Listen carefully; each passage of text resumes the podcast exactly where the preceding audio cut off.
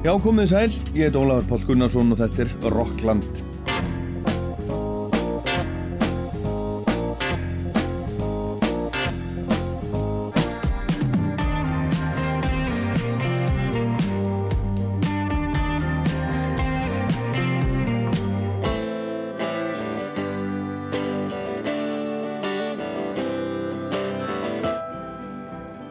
Ég vil trúa því að flesti landsmenn kannist við fjöllistamannin Prins Pólo sem hefur skemmt okkur Íslandingum um ára bil og skapar hans og bestavinn, Svavar Pétur Eistensson.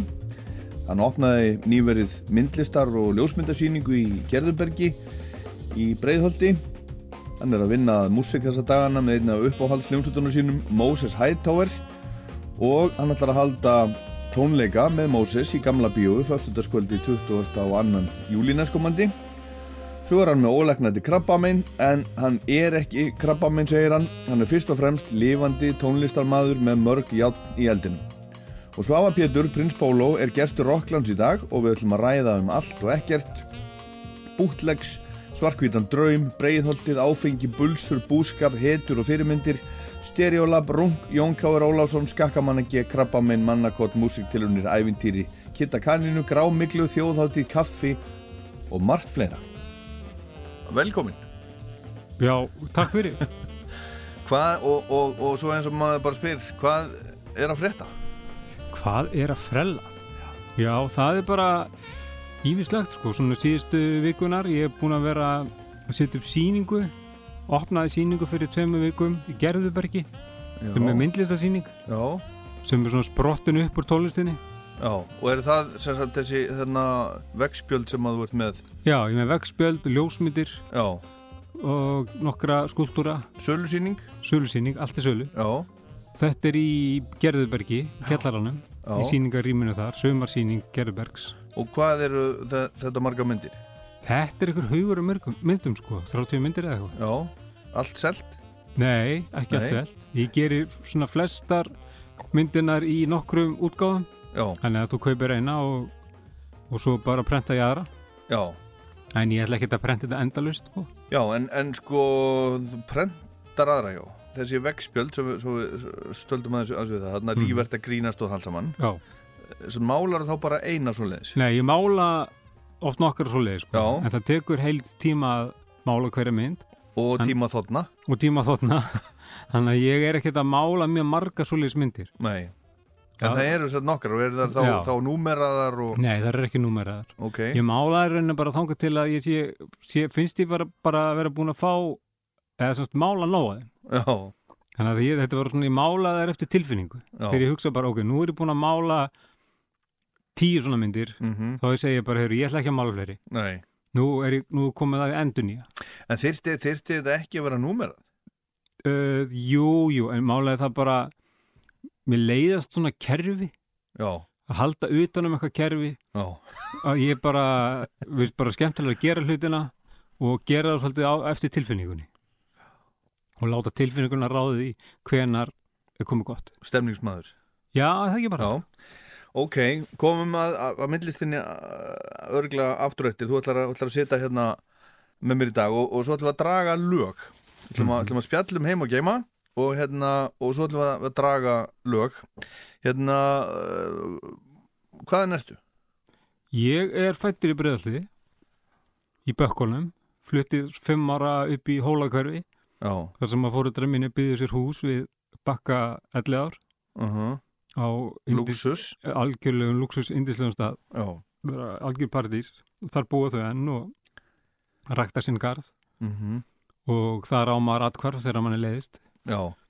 og hérna pönnukökur. Mm -hmm. og svo leiðis og, og hérna þú sæ, sækir í, í fóröldræðina? Já, mikið sko. Já, já, það er mjög gott samband okkar á milli og... Hefur alltaf verið? Já, já, náttúrulega unglingsárin voru unglingsárin. Eins og gefur að skilja sko. Já að ég átti hérna ég, ég týndist náttúrulega á ónglísárunum Er það? Já, já Ég, ég menna, þú veist, alvarlega eitthvað? Já, já, ég týndist frekar alvarlega ég hérna ég bara misti þráðin misti spórið, vissi ekkert bara hvert ég ætlaði og, og þegar maður veit ekkert hvert maður ætlar já. þá fer maður kannski að feta slóðir sem að eru vafasamar Já, sko lendur í rugglinu bara? Já, sko, rugglun og ekki rugglun ég hef, ég, hérna allan tíma náttúrulega tókst mér að halda eitthvað skona plani. Halda vinnu, uh -huh. vera í skóla Já. og gera svona hluti sem, þú veist, sem að maður þarf að gera. Baða sig og busta tennunar Já, þannig að hérna þetta var en, en á sama tíma þá sný, var rauði þráðurinn í mínu lífi frá unglingsárum og tóltið fram eftir. Þá var rauði þráðurinn svolítið bara hvenar er næsta fyllir í sko? Já, og já, þángu til að ég svona fór að gera mig grein fyrir því að þetta væri ekki eðlilegt og mjög óeðlilegt. Þú, þú, sagt, uh, þú drakst sagt mikið? Já, og, oft, og, já, og illa? Já. Mikið oft og illa? Og, og kom það þeir í vandræði svo sem ekki beint í vandræði sko, ekki nema bara bara, bara svona vennilegan bömmur eftir, eftir hvert fyllir í sko. Já, en þú er ekkert verið neitt, neitt þú veist, þú, já, þú er ekkert lent neitt illa í því. Ekki- Nei, ég hef ekki sittið inni. Þú er ekki sittið inni, ekki brotist inn. Nei, og ekki hérna rænt gamlar konur. Nei, ég ekkert svo þannig leiðis að ég var svona frekar heiðarlega því, Já. en þér sem sagt þér fannst einhvern tíu, já, að þetta hendaði þér ekki. Þú vildir, vildir Já, mér langaði bara út, úr, út úr þessu. Já, mér langaði bara til þess að hvað maður að segja, verða manni. Já, en ekki að ykkur skrýpi sko. nei. Þannig að þú hættir að drekka. Já, og fórstu þá í meðferð eða? fór í meðferð og Já. fór svo bara í aðsamtökin og, já, og hérna og var í þeim í nokkur ár. Já, og tólti síðan ég sótt fundi hjá þeim en hérna en mér tókst bara að hætta að drekka og hef hérna ekki haft neina löngun né bara hugmyndir um það að halda því áfram sko. hvað lengi? Þetta eru, hvað, verða 12 ár held ég. já, já, akkurat en, en, en þú finnur ekki svona uh, já, þörf til þess að, að sækja að fundi Nei, ekki lengur sko. Ég hérna, ég veit ekki, maður klára það svo sem ekkert, sem er sækja aðfund allir sinna æfi og, og sá hérna möguleik er alltaf fyrir hendi. Það eru aðfundir á hverjum degi fjöldin allir aðeim, mm þannig að ég get lappað hérna út úr stúdíóna eftir og beintin á aðfund. Og það að fara á aðfund sem alkoholisti er algjört bara já, er, er rosalega upplifun. Og, og það bara í meðferð og fara, ganga hennar veg er þú veist það er ekki til neð lækning við alkoholisma, Mhm. önnur en þessi. Já. hún er hugleg þessi meðferð og þessi, já, þessi lækning. Og henni þarf að fylgja frá degi til dags. Já, einn dagur í einu. Eitt ári í einu. Og ég geri það eitt dag í einu. Mm En já, þú svona, alin upp í breiðholtinu. Já, og, og og, fóst aðeins, aðeins út af en tíma og, en, en, en það, er, það er bara old history já, og, já, það er bara gömul saga og hérna og átti rosa gott uppeldi og hérna góða æsku og allt það þannig að þetta var og svona þegar ég líti í baksinspeilin þá er þetta mjög svona furðulegt að ég fara svona út á spórinu sko, því það var einhvern ekkert í umhverju mínu Nei. sem að benti til þess að ég væri að fara að þanga sko. Nei, en kannski var það einmitt uppeldið og, og þá baklandi sem að, sem að, sem að bjargaði þér Já, svo var það, jú, jú, algjörlega. Já, þannig að ég gætt snúið tilbaka og hérna bætt fyrir mína syndir. Já smá, hérna, misteksti aðeins Já, en það er, það er fyrir löngu síðan. Það fyrir lengur síðan. Herðu, hérna, ok, í hvaða uh, skóla varstu? Ég Eða gekk í, í grunnskóla, ég fór í Hólabrekkurskóla í Breiðalti, þaðan í fjölbrytti Breiðalti, Já.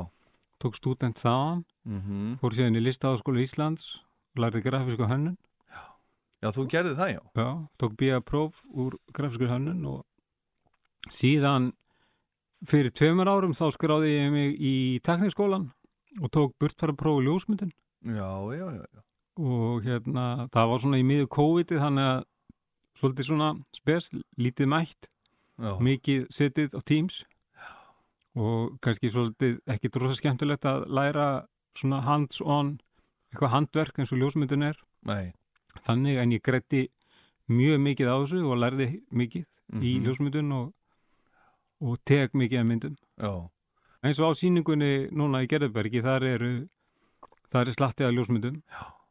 og svona mannlýsmyndum sem ég tók í mjóttinni já, það sem er svona og síningin er, er að mörguleiti óður til Breiðholtsins. Já, en það er Gerðberg þannig að menningamist Breiðholts og jú, jú, langaði svona til þess að fara bara með allan Breiðholtspakkan þangað inn já, já. Herðu, það er komið að fyrsta læginu. all right, Það gengur ekki að hérna vera bara með blaður. Harma sjarma, af blutinni Sorry. hamstra sjálfa Hamstra sjarma, Hva, hvað sagði ég? Harma, harma sjarma. já, já, Já, það er að ég er ekki með leskleru, sko. Það stendur nefnilega harma sjarma. Ég veit að þetta heitir hamstra sjarma. Af blutinni Sorry frá 2014 og Já. sem kom bara út sko í hitti fyrra, samt er það 2014. já, okkurat Hvað er listamæðurinn að fara þarna í þessu legi? þarna byrjar, byrjaði ég bara á þessu riffi sko, það er hann ákveði riff sem að leiði Já. bæði svona piano eða hljómbásriff og gítarriff og þegar að maður dettur niður á riff sem að kemur manni í feeling þá er mjög auðvelt að semja text ofan á það þá byrja maður bara að pulla Já. og sest bara niður og byrja að skrifa bara pikka eitthvað niður. Og, og, og þá bara fara orðin á stað. Og, og þá er engin hérna, þá er ekkert stöðvar það. Fyrir en bara mann finnst maður bara að vera komin Já, en að svona lag getur fæðst á mjög skömmum tíma. Leið og riffið er komið kemur bara eitthvað texta í ofan á það. Og lögin mín eru oftast frekar einföld, ég er ekki að hlaða 32 rásum minna læð, ég er oftast bara með fjórar, sex rásir bara ein rásur í bítið ein fyrir söngin, ein fyrir gítarinn og ein fyrir bassan. Og svo ein fyrir hljóparslínuna þannig að þetta er allt saman mjög kompakt og einfalt. Og þetta lag er alveg svona já, típist þannig lag. Samt þetta lag í hérna solstofunni minni á Drángsnesi þar sem við byggum þannig að þennan vetur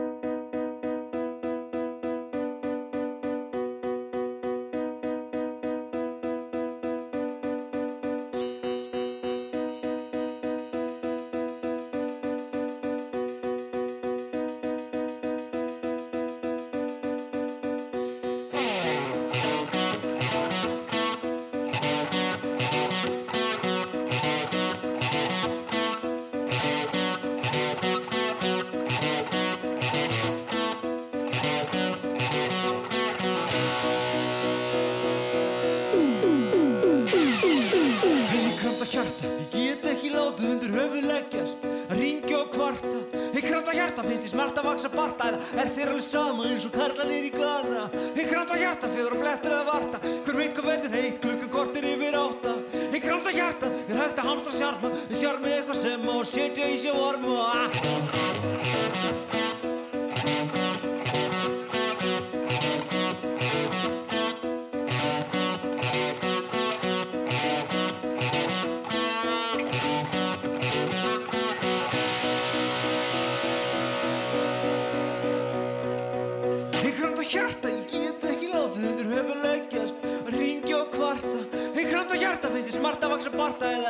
Er alveg sama eins og karlanir í gana Ég kramta hjarta, og blettur að varta. Hver veit hvað verður heitt, klukkan kortir yfir átta. Ég kramta hjarta, er hægt að harta sjarma Sjarmi eitthvað sem á,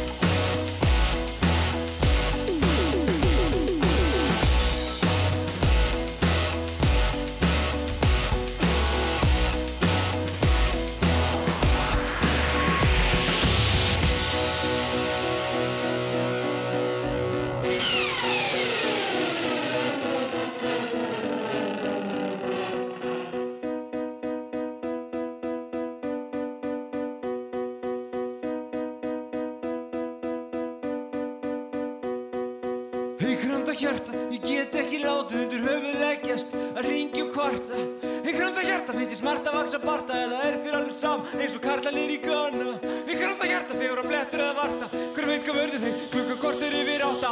Ég kranda hjarta, er hægt að halda sérma Ég sérma þetta nema, ég just og Prins Pólo og lægið Hamstra Sjarma frá 2014 kom út á blötunni blötunni Sorry og Sava Pétur Eistensson sem að er ja, leikur, leikur prinsinu, það ekki, ekki hafa þannig. Þú leikur Prins Pólo jú, hérna, hann er gestur Rocklands í dag, það eru, eru, eru tónleikar með honum og, og Moses Hightower í gamla bíó, það ekki, jú. 22. júli en hérna við vorum að tala á hann um, um, um hvernig þú semur. Þú hérna, og ég sá það líka reyndar þú varst í, í sjónvarpinu, þú varst í kveik núna um daginn, þú varst að segja frá því og byrjaðir yfirleitt bara á, á hérna bíti. Og það er einn maður sem ég mann eftir sem að, sem að semur svona líka. Hmm. ég mann eftir þessu, hann sagði einu svona ein, einu svona viðtali, já ég byrja yfirleitt á taktinum og svo kemur hitt. Og það er hérna Geirmundur Valtísson Já, ok. er, er, hann, er hann fyrirmynd kannski? Uh, sko, allar, allar hérna hetjurnar á undan mér eru fyrirmyndir, sko. já, En það er prinsinn rosalega mikið sprottin upp úr tónlist, tónlistinni sem hann heyrði þegar hann var bann já, og svona fram yfir unglingsárin og, og hérna, og þongu til að, já, bara þegar hann er að heyra tónlist í fyrsta, fyrsta skipti í rauninni. mhm. Bara í gegnum útvarp og allt þetta. Og þess vegna það hefur stundu verið hérna talað um Prins Pólo músíkina sem svona einhvers konar mannakott með nýbylgju ífaði ok, og hérna og, og hérna og það er bara, það er ekki mín orð. Nei en, Þetta er bara sem einhver hefur sagt. Já, já, Já, en þetta eru svona eh, áhrifin koma alveg þarna allstaðar af sko. Koma alveg, fara alveg upp í skagafyrð sko. mannakotn og þess vegna Geirmundur Valdísson já, Það er kannski eitthvað, það væri nú, það væri nú ekki, sko, ekki svo galið samstarf. Nei, ég er alveg og því. svona Geirmundur Valdísson ég væri alveg til í það sko. En það ekki, ert þú ekki, þú ekki svona, þú veist, bara til í næstu því hvað sem er? Jú, mér finnst bara rosa gaman að að hérna fá heiður eða hafa, já, fá heiður af því að vinna með öðru listafólki. Já, og stundum kemur eitthvað gott út úr í og stundum ekki. En það skiptir ekki öllu máli sko, hver útkoman er. Nei. Það er bara gaman að vinna. Er það, er það ekki rétt, rétt munna hjá mér að þið voru einu svona hérna í stúdíu 12 hljómsveitin Skakkamanna G jú, og, og hérna, og Jón Gáður Ólafsson. Jú, það var einmitt samstarf sem að þú komst á. Já, það var, það var þannig. Já, Ef þú, við ekki, að- ekki að rifja það aðeins upp? Það var alveg stórkostlega heyra, heyra það aðeins, Jón K.R. í sveiflu með, með Skakkamanna G í stúdíu 12 ég hef ekki heyrt þetta bara í ára, ára og aldir sko. Já, við skulum bara, bara hlusta á þetta já, núna. endilega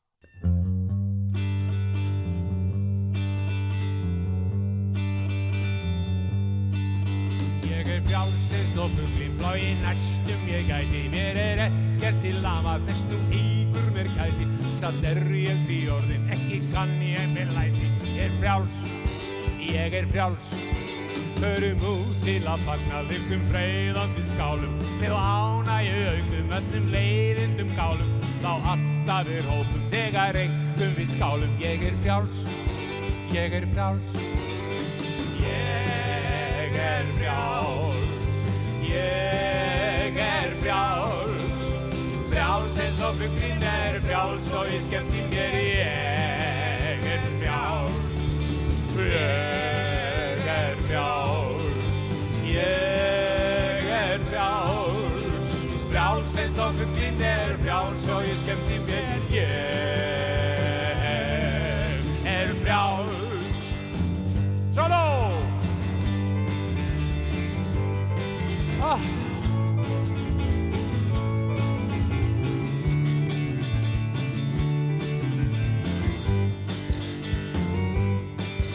Förum út til að fagna liftum freyðandi skálum Við ánægju aukum öllum leiðindum kálum. Þá alltaf við rópum þegar engum við skálum. Ég er frjáls, ég er frjáls.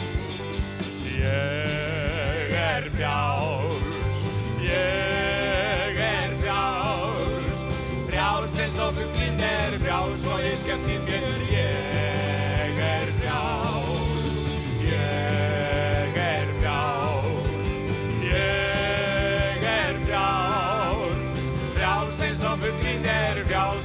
ekkert í mér ég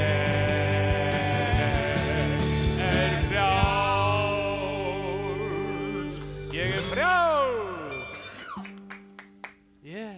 Yeah, sagði Jón K.R. Þetta var, þetta var skemmtilegt. Þetta var mjög gaman. Ég hef ekki, hef ekki heyrt þetta heldur mjög mjög lengi, þetta er bara síðan, þetta er nákvæmlega annar, nei þetta er 22. februar 2009 Þetta er 2009, ég man bara þegar þú, þegar ég fekk símtal frá þér Já og þú hérna spurði hvort að við í skakkamanni G varum ekki til í þetta samstarf með hann og Jóni Já. og ég kom einhvern veginn algjörlega fjöllum fannst þetta að vera svo fáránleg hugmynd Já. en svo hérna fór ég aðeins að kynna mér þetta betur Ó, og sá náttúrulega það að það væri, væri algjörlega rakið Já. og svo æfðu við þannig nokkur sinnum með honum Já. og það var æðislegt hann er náttúrulega mikill sögumæður og humoristi og, og hérna kallaði alla darlingarna sína. Jú, jú, já, já, það er sældarlingur. sallarlingur Ó, jú. og hérna og einhvern tíma voru við búin að býða eftir honum heil lengi sko fyrir utan, utan einhverja blokk sem var með aðsöður í henni Reykjavík. Og Eftir þetta? hér, Nei, þannig þegar við vorum að leiða á æfingu. Já, já, og hann já, leti eitthvað aðeins býða eftir sér og við vorum á dyrabjöllinni já. og svo loksinn svaraði hann dyrabjöllinu og ég sagði hérna, já, eru við eru komnir? Já, þið eru gæjar og svo mætti hann bara Já, já, og svo sko, var náttúrulega berglít í hljónustinni sko, já, já, konaðinn. kona mín Já, og, og, og hann talaði alltaf, um okkur sem strákana sko. já, já, Já. það, var algjörlega indislega tími já, já. Þarna, sko, sko, og að því að við vorum að, vorum að tala um lögin og lagasmíðanar, þú, þú byrjar yfirleitt á einhverju svona bíti og svo kemur riff yfir það og svo kemur texti, ekki satt? Og, og sko textarnir og lögin eru svona eins og mér finnst þetta að vera svona svolítið eins og svona, þetta er allt svona litlir brandarar. Þannig að eh, þú veist, það vantar alveg hérna lægið Hei Darlingur og þið eru gæjar. Já, já, akkurat. Það gæti alveg það, það alveg- vantar alveg það væri ekta Prins Pólo, held ég. algjörlega. En hérna en sko ef, ef við tölum aðeins um, um svona áhrifavalda og hvernig þú veist, þú veist hvernig er þín leið inn, inn í tónlistina Sko, já, mín leið til þess að sko að hérna byrja að spila svona sem listamæður, það er það er náttúrulega svolítið mikið í kringum bara músiktilunir, þegar það þær byrja, já, eða þegar maður byrjar að fylgjast með þeim já, og heyra öll þessi íslensku bönd og öll, þessi íslenska rock og maður kaupir sér ramaskítar hlustar á músiktilunir pikkar upp sko, ég manni svo bara og bootlegs já. og svona hljónstir sem að hérna, það er nú eitt samstarfið maður sem á, sem á eftir að gera. Já, akkurat. Bootlegs og Prins Pólo Nákvæmlega, þú veist, ég, ég get ringt símdali bara á eftir bara Ég bara- pikkaði allt upp á hérna gítarinn minn sko, ég kefti mér ramaskítar fór svo í sveitin og var ekki með neitt gítarmagnara heldur bara ramaskítar já, og svo var ég með músitilur nýr á kassettum er það? og hérna hvaða ár þá? þetta verið einhvern tímann bara upp úr 1990 sko. Já, 89-90 sérska bát. Og hérna ég er svona ekki alveg ekki alveg nógu góður í ár, árum sko. Já, svona að maður byrjar að pikka upp þessa íslensku nýbylgju mhm, og íslenskt rock og, og eitthvað svona. Og svo setna kemur inn þessi breska nýbylgja Ræt og Charlatans og, mhm. og, og hérna Happy Mondays og, og allt það. En það sem að ég var kannski fyrir mestum áhrifum af og hefur kannski áhrif sem að fyllt mér hvað lengst. Og það er góð með svarkunum draumi. Já, já, það er sem plata sem að ég sem að sýsti minn átti. Hún er fimm áram eldri en ég. Sérst er með Svefnarbergi við hliðana mínu og ég fer að heyra eitthvað músík í gegnum vekkin og hérna, svo þegar hún er í skólanum og ég er heima, þá fer ég að stelast inn í herbyggi til hennar og setja þessa plöt á fónin sem hún er alltaf að hlusta á inni á sér og heyri bara þannig að íslenska músík sem er bara fáránlega góð bara með geggjum textum, geggjum saga þetta er bara eins og konceptplata mhm. Og að mínum að þetta allra, allra, allra, allra besta plata sem hefur komið út á Íslandi. Já, það er þannig. Góð. góð með svarkunum drömi og bara umslægið og allt við hana. Það er bara, það er ekkert þú veist, þetta er, þetta er þryggja manna band þetta er tekið upp í áttar ás stúdíó öruglega á einum degi mhm og soundið er geggjað og þú veist, þennan vínil á ég ennþá og, og er bara og hlusta mikið á hann sko. Ok, ég held að verðum að heyra bara eitt af, e, e, veist eitthvað afgóð, hérna, hvaða lag er að heyra? bara glæpi gegn ríkinu sko.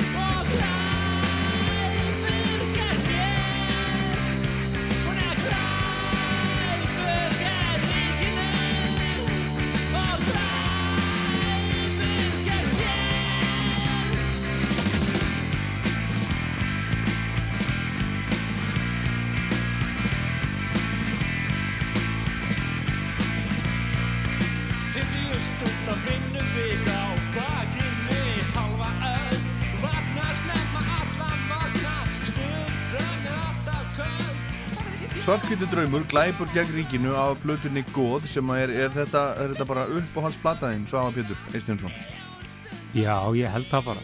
Þetta er svona plata sem ég heyrði ykkur tíma fyrir fermingu. Já, þannig að þetta sem hefur verið að hafa áhrif á þig þegar þú ert bara ungur, ungur piltur það er þetta bootlegs, svartkvítu draumur ham, já, risaðilan. Og og svo, það, og það, svo, það, það, gengi já, og svo að utan þá er það Prins Já, og hérna Bruce Springsteen. Já, og það er svona, þegar pappi fór til útland á svona ráðstefnur og vinnunar þá bæði hann alltaf um að koma með plötu heim. Þetta Já, og svo var það Guns N' Roses líka. Já, þannig að þetta var þess að hann kom alltaf með einn og einn vínil úr hverju ferð. Já, og ég man, ég á þessar þrjár plötur úr hérna. Það er hann að Appetite for, for Destruction. Já. Og hérna Born in the USA með Springsteen. Aha. Og svo hérna Purple Rain með Prince. Býtu, hérna Springsteen er 84 Guns N' Roses er 86 og Prince er hvað? Er hún 85? ég er ekki alveg með það hreinu Það er bara þetta, þetta er Já. svona já, þe- þetta, er, þetta er þitt 80s Já, þarna er ég maður að byrja að móta sig sem kannski svona sjálfstæðu listamæður og bara móta eitthvað sjálfstæðan huga. Hvað ár gerir þetta? ég er 77 þannig að þarna er ég svona rétt, bara- rétt í ert- kringu 10 ára. Já, og, og hérna og þú varst bara strax svona áhuga maður um tónlist? Já, og farin að spila já, já, sjálfur. já, og bara s- skrapaði mig fyrir rammarskítar og hérna svo kom Magnar en setna Já, hvernig e, gítar egnaðistu? Hva, hvaða tegund var ég Fyrsti fór gítarinn? í hérna gítarinn á lögavegi mm kefti mér eitthvað gítar sem ég man ekki á hvað tegundan er hann var orðin heldur laskar og ég hent honum um daginn. Hendur hún? já, ég bara fleið honum sko. Fyrsta gítarnu þinn? já, Ert ekki að grínast? ég fór hérna, ég var að flytja. Má það? Nei, sko, ég var, hann var búin að hanga upp að vegg í mínu, öllum mínu stúdíóum í Þetta mátt, áraræðir ekki gera. Nei, svo ég er á alveg skoðan maður á að, ef maður notar ekki hluti ef þeir eru bara þarna að þvælast fyrir manni þá hérna eiga er betur heima í tunnunni Hefur átt að gefa hann frekar áfram? Hann var einu sinni gefin Körver Tólasson hann fekk hann að gítar Já, og notaði hann í einhvern gítargjörning. Ok. Hafði síðan samband við mig svona tíu árum síðar og sagði, heyrðu, ég er með gítariðin þannig að ég fór heim til þess að sótti hann í gítar. Já, og þaðan fór hann upp, á, upp að vekk upp í stúdíu og ok. Hét hann eitthvað? nei, nei, Nei, menn hann verið ekkert heitið, þú veist Fender, nei. Honner. Hann hétt eitthvað með hái Eitthvað með hái já, Þú, þú manst það ekki sinni. Nei, maður Þetta er nú alveg skandal Þannig að þú ert ekki, þú ert, þú ert ekki svona hljófæra snobbari Eða hvað? Nei, nei, ég er samt búin að eiga sama ramaskítarinn síðan svona 95 Mm og ég hef ekki átt annar ramaskítar síðan sko. Sem að er hvað það gítar? Það er svona Fender eitthvað Squire Bullet gítar já. sem ég kifti í hljóðfarhúsinu á 20 skall. Mm -hmm. 95 já. og nýkominn frá Redding Mm -hmm. átti akkur á 20 skall í vasanum og engan gítar. Ok. Þannig að Red, Redding 95 Já, Var það fyrsta tónlistaráttiðin og breytti hún öllu? Þetta er bara gaman sko. Já, og hvað sástu? það man ég ekki lengur sko. Þú manst það ekki? Nei, þetta var bara stuð og stemming sko. Ok. Og hérna Já, en, en- Engir svona tónleikar sem að þú manst þetta sem að bara, wow, þetta var geggjað bara manna alla æfi Nei, ekki á þessum tónlistarháttíður sko alveg, Spilaði Björk ekki á, á, á Redding 95? Það var 94? hún verður að svara því sko Já, ok ertu með nummerið hennar? uh, Nei, Ok Herðu, en hvað þegar þú varst, þegar þú varst hérna bara ungur 10 ára eða 12 ára eitthvað leis voru komin einhver plönum hvað þú ætlaðir að, að verða hugsaðir það eitthvað? Ég ætla, Ég- já, ætla að ég verða þetta eða hitt. ég ætlaði bara að vera bóndi sko. Já, af hverju? Ég var í sveit þegar ég var krakki Mm. og hérna Hjá hverjum? hjá ömmu og afa Já, og, já. og, og hérna á frænda mínum í Berufyrði bara á, á næsta bæ við þann bæ þar sem við síðan hjónin Settum stað. það var tengingin. Það var svona þengingin sko. Og þið langaði að vera bondi ég ætlaði bara að vera bóndi. Það var svona fyrsta sem ég dætti í hug. Ramaskítarbondi Já, þetta var nefnilega þannig þegar ég var úti að raka með hrífuna mm -hmm. þá notaði ég hana náttúrulega sem hljónema og gítar og söng náttúrulega og samdi lög alveg allan daginn sko, á þessa í, hrífu í hrífuna já, í hrífuna þannig að ég var í rauninni á því öruglega bara að verða poppari og bondi sko. Þannig að draumar geta rest og já, það, eitthvað svo svona hugmyndir geta ílengst í já. hausnum á mann sko. En hérna fyrsta hljómsveitin? Já, það var hljómsveit sem við stopnum í Hólabrekkurskóla í grunnskólanum. Mm -hmm. og kölluðum hana Blimp. Blimp, já. Af hverju? uh, oftast var hann bara þannig að maður opnaði eitthvað orðabók og, og benti bara. Mm -hmm. þannig að þegar maður var að finna hljónstafnöfn hérna í, í den. Og ég held að þessi hljónstafi orðið til þannig. Þetta nafn og við settum saman þetta þryggja fjóralega prógram fyrir músiktilurinnir og, og tókum það átt og fengum dóm. Hvað ár? 91-2 líklega. Sko 91 var hérna döðarás árið mikla 92 var líka döðarás árið en þá vann Kolrasa. Já, að ekki verið árið áður en kolrasáðan 91 minnst það líklega, Þá hef ég kannski séð ykkur innan um allt döðarókið það geti verið sko. Þið voruð ekki svo leiðis það? Nei, við vorum að spila nýbylgu svona vorum svolítið að taka taka áriðun okkar frá Englandi. Þeir sem að hérna var að gerast í Melody Maker Já, og NME þá. Já, og því sem að við síðan sáum á rétting árun eftir. Já. Þannig að já, við vorum við vorum svona indie band.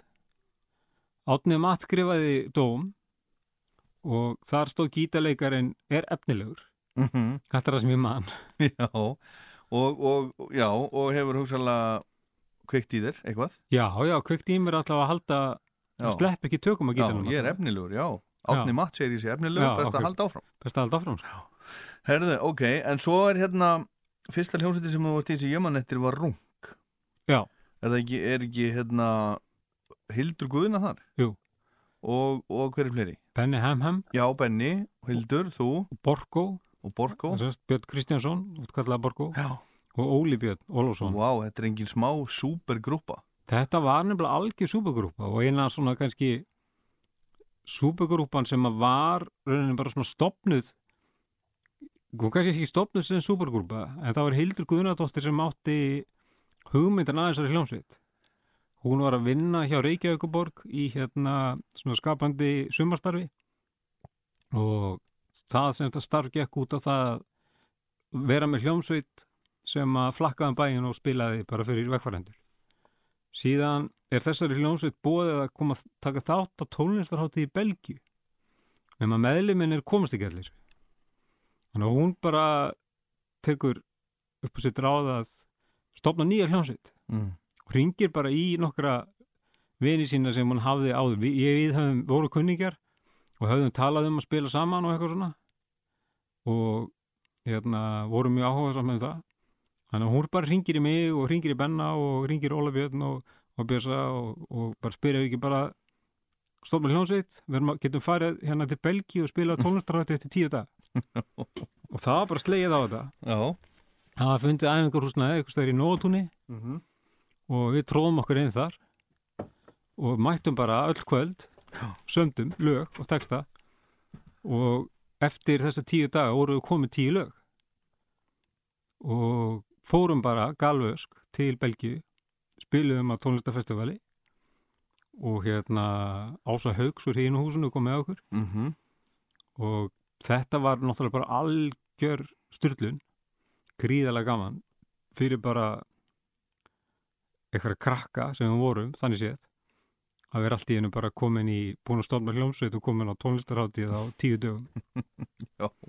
Og svo komum við heim og tókum upp þessi lög og gáum út plötuna Gengi Dals. Og Gunnar Tínes í Múm tók hann upp. Tókum hann upp á áttarása teip í hérna gamla vestuborti við vestuguti Mm.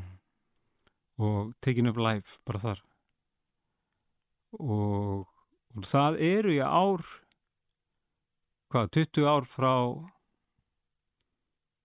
eða eru orðin 30 ég veit ekki alveg Nei. nei, 20 ár frá því þessi plata kom út.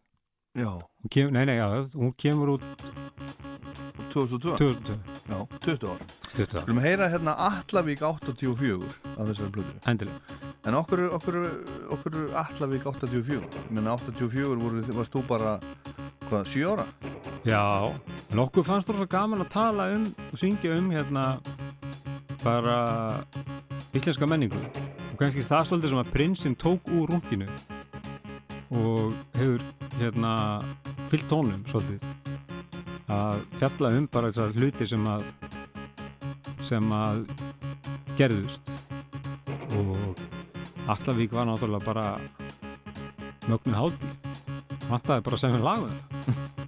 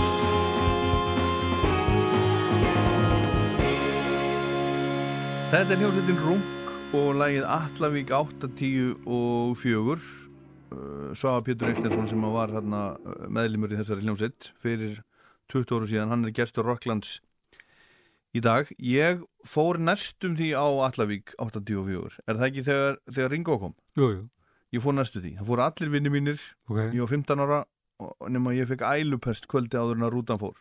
Klata. þannig ég fór ekki. En ákveður heitir hljómsveitin eða eða hérna Rung? Ég rung hérna, þetta er hérna náttúrulega frasi sem að, við veit ekki hvort þess ennþá notaður, en en frasi sem að notaður er svona, þetta er nú meira rungið. Já, Þú ert að gera eitthvað í hérna sífellu, bara eitthvað endalust. Hvað djöfus runga er þetta? Þannig að við hérna söndum, já, lægi, þessi textin er nei fyrir ekki nafnið, já er svolítið komið út frá þessum gjörning, sko. mm og svo er hann náttúrulega getur hann verið kynfyrirslegur líka sko.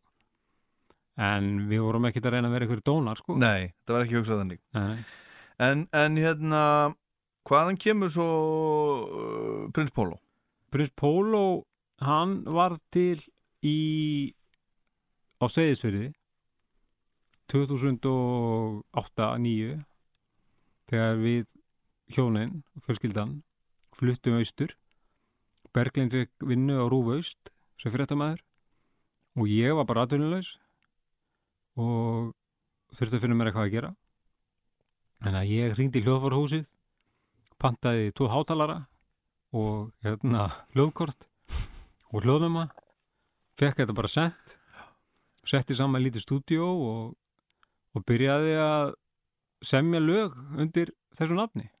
Já, og þá er ég aftur komin að þennan svona að, að því að maður að segja semja lög um bara svona íslenskan hverstagsleika svona ofur hverstagslega hluti. Það er prinsinn. Það er prinsinn og, Og það, já, Hvað er fyrsta lagi sem að prinsinn gerði? það er átján og hundrað. Það er fyrsta lagið á hérna, EP-plötu sem ég gaf síðan út hana 2009 og fjallar um 18 ára ungan mann og 100 ára gamla kæristu hans og þeirra samband. Og já, það var svona já, fyrsta lagi sem kom til mín. Átján og hundrað, já, hlustum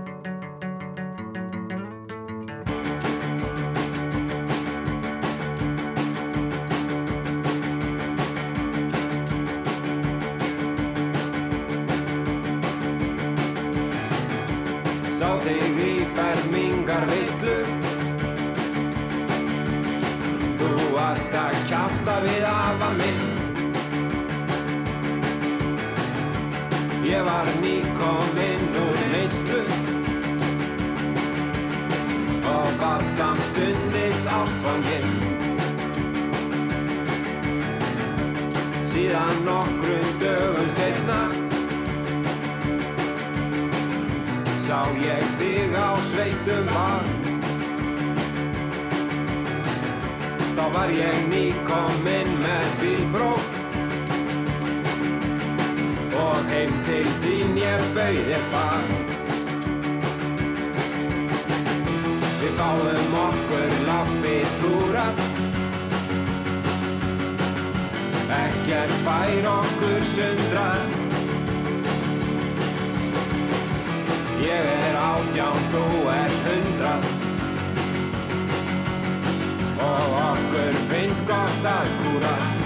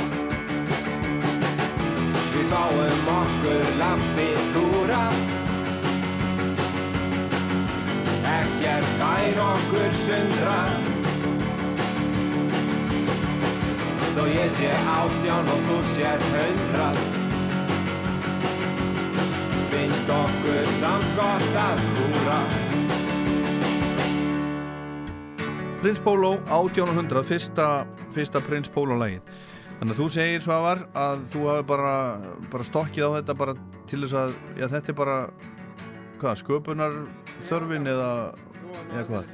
Já, já, maður segir það, bara eða þú veist, var það, var það sem sagt sköpunar þörf eða, eða var þetta eitthvað sem þú hugsaðir ég þarf að, þarf að hérna ég þarf að vinna eitthvað ég þarf að, þarf að, þarf að að sko eiga salt í gröti var það hugmyndin eða? Nei, reyndar ekki sko. Það var ekki eitthvað, um, um fræða fram og, og gríðarlega plötusölu sko. Nei, Þetta, en þarna var maður líka komin úr hérna lang, margar ára svona indie rock samstarfi. Mhm. Spila gítarnýbylgju og með skakkamann að G. Hljómsveit sem að þurfti náttúrulega þú veist að hóa fólki saman á æfingar hóa fólki saman í stúdíu og, og leggja plön og, og halda fundi og eitthvað svona. Mhm, þarna þurfti ég eitthvað frelsi bara til þess að vinna bara einn og láta bara allt flakka án þess að vera ritt skoða og, mhm. og spurja næsta meðlum, er þetta glatað? já, og spurja bara prinsinn, er þetta glatað? og hans- svar var alltaf, nei, nei, nei, bara mjög gott. Þetta er bara mjög gott. Já, en, en hafði það verið þannig að, að einhvern veginn uh, í þessum hljómsveitur sem veist í að, að þú veist, fengu þínar hugmyndir ekki alltaf fram að ganga að því að einhverjum fannst þær ekki nógu góðar eða eitthvað svoleiðis Nei, reyndar ekki. Þetta var alveg líðræðislegt og, og hérna sömdu lögin öll í miklu bróðarni. Já, En hérna, en þetta komu upp svona ágreiningsmál, ef að hafa þetta svona eða svona mm og, og það getur alveg tekið á. já, er betra að vera einn Sko það er betra mjög mörgu leiti en að öðru leiti þá kannski kemur ekki svo mikið rugl út úr því. Nei, Að hérna, þú vilt meira rugl. Uh, kannski er alveg nóg rugl í prinsennum sko en þetta er kannski meira svona experiment, þú lærir sérð hvað hinn er að gera, það eru tveir, þrýr saman að gera eitthvað og vera að vinna. Og eitt gerir eitthvað sem þú kannt ekki þá pikkar það upp eftir honum getur sér að nýttir það áfram og þannig kannski verður til eitthvað sprengja. Mm -hmm. Þannig að svona kreatíft séð maður hérna hugsa stundum með Beastie Boys svona hljómsættir sko, það sem, sem koma bara saman og gera bara einhverja, síru Mm sem verður síðan að einhverju bara geggjuðu dæmi. Já, en þú varst þarna í rung það var sér að þú og það var Hildur Guðnadóttir, Óskarsvæluna hafi Jú, með meiru. Og þar var eh, Óli Björn sem er núna er hann orðin trommar í Sigurús eða er hann bara, er hann bara sessjónmaður hann er allavega að túra með þeim. Já, Já. tromma með þeim. Tróma hefur, hefur túra með þeim líka sem píónleikar, ekki satt? þannig að hann kann í ímislegt hann er mjög fjölhæfur. Já. Og hérna og þar var líka hérna Borgó. Borgo, og, Benny Hemmem og Benny Hemmem ekki smálið, súbagrúpa svo var það hérna Skakamaniki hverjir voru, voru með þér þar? Það byrjaði sem solo-projekt Mm sem ég bara í Sölvubreikinu heima fekk mér Pro Tools og en þetta nafn skakamann ekki er nafn sem að byrja að loða við mig þegar ég var úlingur sko. Við höldum áfram með þessa sögu og fleiri sögur með Prins Pólo hérna rétt og eftir. Þú ert að hlusta á Rockland á Rástfö. En þetta nafn, skakamann ekki er nafn sem að byrja að loða við mig þegar ég var úlingur sko. einhver vinur minn hann kallaði mig alltaf þetta af hverju? ekki hugmyndu það Skakkamanna G. Já. Það er ótrúlega hvað breyðildingu dettur í huga að kalla vinni sína. Sko. Já, Þannig að það er, ég hef aldrei fengið neina skýringu á því. nei, en þú varst kallaður þetta. Já, það á tímabili var ég kallaður þetta sko. Og hérna, og þegar ég gaf út uh, sjötómi með múldýrinu, hérna, eh, hvað, 95, þá stopnaði útgáfafélagi skakkamann ekki. Sem held utanum þá útgáfi sem síðan var það þessari hljómsveit skakamann ekki sem að var sóloverkinu til að byrja með. En síðan fekk ég Berglindi konunum mína með mér inn í það. Mm -hmm. og svo Þormóð Dagsson sem núna er í Tilbury. Mm -hmm. fekk hann á trommur. Þannig að við vorum tríó í ansilega langa tíma. Og þangað til að fórum að bæta við okkur gestalíkurum hingað og þangað vorum bara svona stundum bara átta á sviðinu og stundum bara þrjú. Allir gangur eftir Já, svona eins og harmonika bara. Já, svolítið. Já, herðu, hérna, ég ætla að lefa þér að, að velja eitt lag með þeim sem er svona einkjarnandi fyrir þessa hljómsveit. já, því ég vel ekki bara non-smoker. Hi, this is Jeff Tweedy from Wilco, and you're listening to Rockland on Icelandic Radio.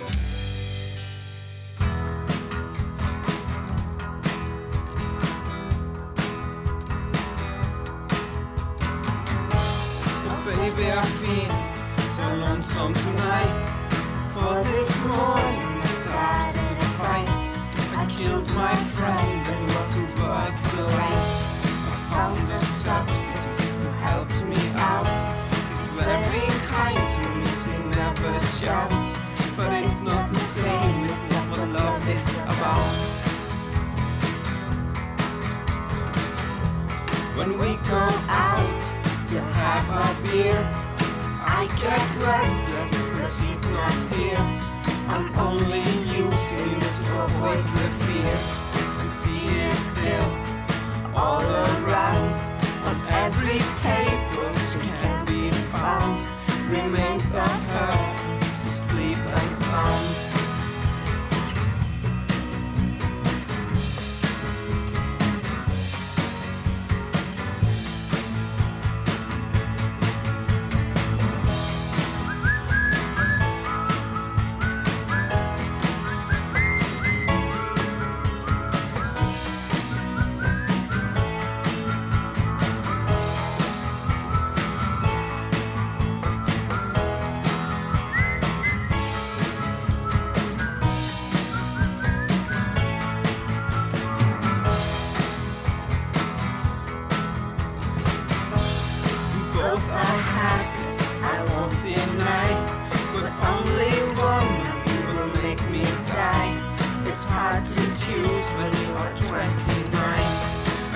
Can't walk between you, I can't play that game, and I can live my life in shame.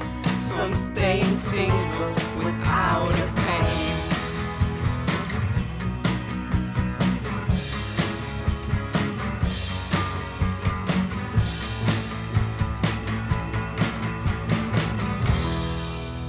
Skakamanningi og Non-Smoker og Svafa Pétur Eistinsson sem er, uh, besti vinnu Prins Pólo setur hérna, leikur Prins Pólo stundum. Hérna uh, þessi músík, þetta er svona einhvers konar indie, indie pop. Hvaða, hvaða fyrirmyndir voru þarna að þessu? uh, ég var að nefna kannski bara eina sveit það voru kannski, ég myndi segja Jóla Tango Já, ok. Ég hérna sko Jóla Tango er kannski ekkert mín uppáhalds hljónast í dag. Ég hlustaði mjög mikið á hana og var fyrir miklum áhrifum frá henni ef ég að segja hver er kannski mín uppáhalds hljónast í dag þá var það kannski Stereolab. Já, ég, það eru nú alltaf færri og færri sem kannast við þá hljómsveit. Kom og spiluðu einn svona Grand Rock? Jú, jú, alveg voru það ekki síðustu tónleikarnir þeirra?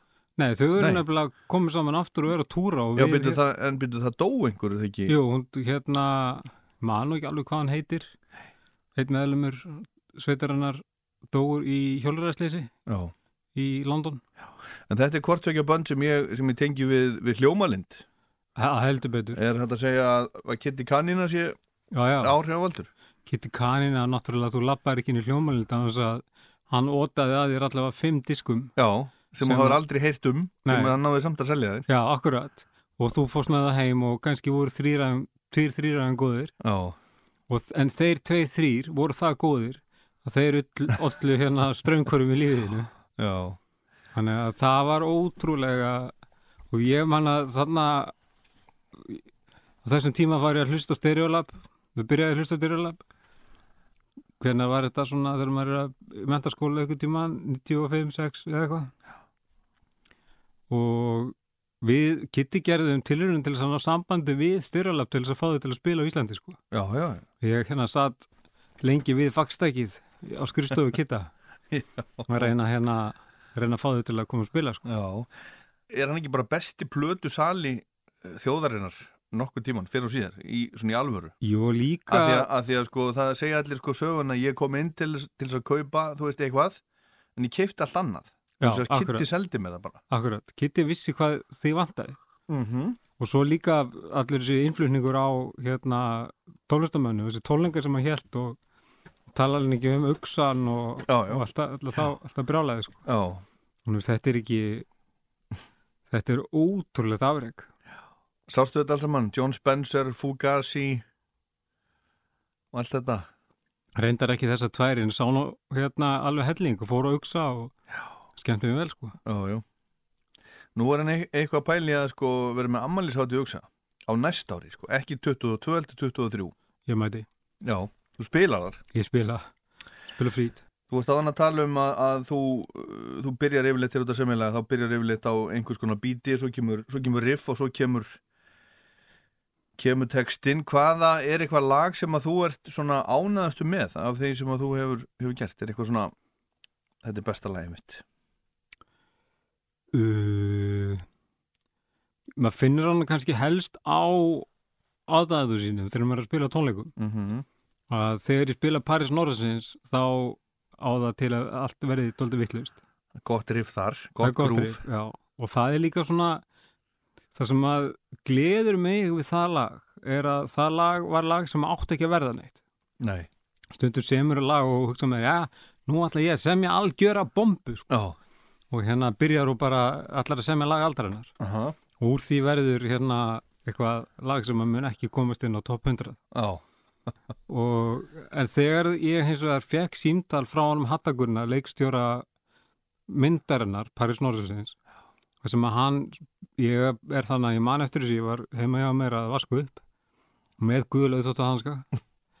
Og hann hérna ringir í mig og ég teka mér þótt að hanskana og við spjöllum saman og hann segir við mig að sko á þessu tíma vorum við búin að ákveða það að ég myndi semja skorið fyrir þessa, þessa plötu, nei Já. fyrir þessa mynd. Já, já, og það var, við vorum búin að eiga nokkra fundi og lesa handritið og, og aðeins að pæla hvað við ætlum að gera.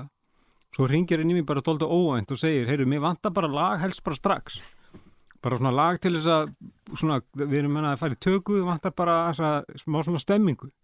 Svona koma hópnum saman og hérna, bara lag sem kannski gerist eitthvað út á landi eitthvað bara, þú rugglar eitthvað. Oh, og ég hérna set bara uppvaskið á hold og sest niður inn í stofu og skrifa niður þennan texta bara í belgubið, nei bara í einni, einni runu og, og svo er hann bara þannig á okkur aftan á okkur umslæði frá reiknastofu bankana mhm. og svo daginn eftir þá fór ég með hann upp í stúdíu og samti bara þetta riff eða þessi, þessi riff Mhm. bassabítið og, og gítarriffið og var á þannig texta og þetta lag eins og segi átti ekki að verða neitt sko. svo sendi ég þetta bara á hann. Og síðan bara fer, kvikmyndin í framlýslu og öll tekinu upp og, og síðan hérna ringir hann í mig réttur fyrir umsýningu og það var þegar hann álgast Vestlurman helgi og, og hann og spyrir mig bara, heyrðu, má þetta lag ekki bara vera titilag hérna titillag myndarinnar. Lagið átti að heita bara Hafið. Já, en, hérna, en svo bara spyrum hvort það með ekki bara heita Paris Norrisins og verða bara lag þessara myndar. Þannig að mér þykir alltaf svolítið vænt um þetta lag út frá því að fólk tengir alveg svakalega við það.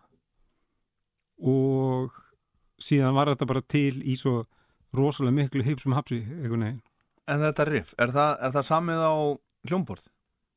Þetta er bara bassagangur dam, dam, dam, dam, dam, dam, dam, dam, dam, dam samið á Casio-in bara já, og svo hérna já, fyrst er bara beat sem Já. er bara dum, tí, dum, tí, dum, tí, dum, tí alveg eins einfalt á að verður svo kemur bassin inn já, með þetta dam, dam, dam, dam, dam, dam, dam, dam, dam, dam, dam, dam, dam, dam, dam, og svo þegar maður er búin að lúpa því í smá stund þá tegir maður sig í gamla gítarinn frá 95 Já, og spilar eitthvað sóló sem mögulega getur passa við þannig bassagang. Og svo byrjum maður bara að klippa. Já, búa til pláss fyrir söngin og veist, byrjum á þessu svo kemur gítarsólóið svo gerum við smá pláss fyrir söng. Svo kemur viðlagið svo kemur aftur gítarsóló. Svo raða maður þessu upp og kannski á einu degi og þetta lag tók sem sagt kannski bara einn dag í í framleyslu, bara upp í stúdíu heima með mér þar sem ég þar sem ég bara svona sögði þetta saman. Og þetta lag er svolítið svona típist fyrir lög prinsess, þau eru með einföld virka kannski flókin, virka eins og þessu tíu kaplar, en þetta er allt bara eitt kapli, þetta er allt bara þrjár nótur sem liggja saman. Svo eru bara viðlæði sem breytir og býr til nýjan heim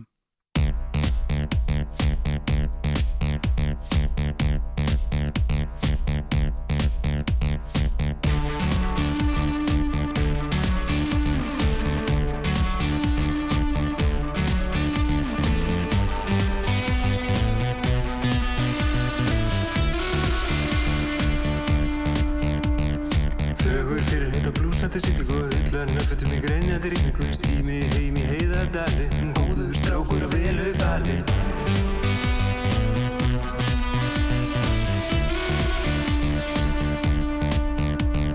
Mikið verður gott að knúsa kerlu Erlu, erlu, erlu, góðu erlu Sem giftist mér því ég kunni að skaffa Sjómaður og sonur að snappa.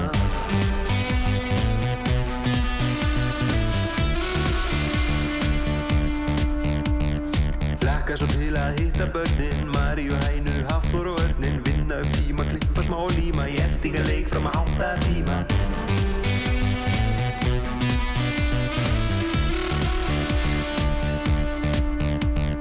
Hafi, ég þekki ekki annað. Hafi, var harmenni annar var mamma Sultuslög nunna, sýstir mín Gunna, Gunna, Rósi.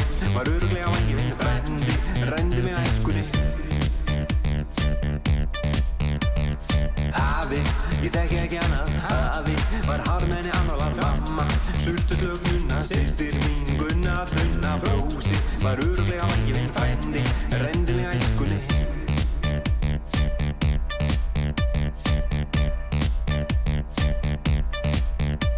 þegar heim er komið býður mín flaskan og á tröppunum stendur ferðartaskan Erla góða fór með vini á hestbak síðastir túr hann kerði um þverbak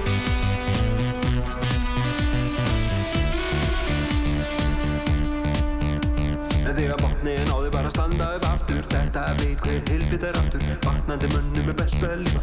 Híni geta bara ég þið hundar geta slefa. Þetta er algjört, algjört snildarlag Svavar Pétur, Prins Pólo, París.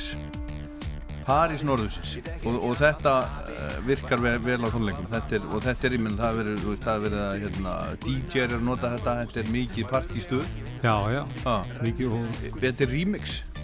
Nei, það er ekki til sko En það er mikið beðið um sko karki útgáðanar Sérstaklega fyrir þorrablóttum og, og er það til?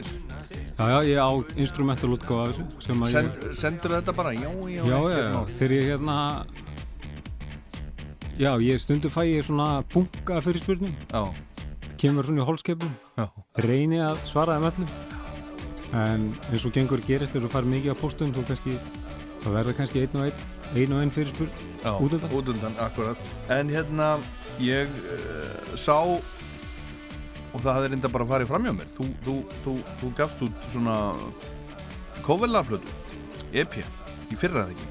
Ég gaf hann út í þetta sé ekki hittum fyrir það hérna ábreyður Já. já, Já, þetta var sko á þeim tíma sem að við vorum að halda tónleikaröðuna í Havari fyrir austan.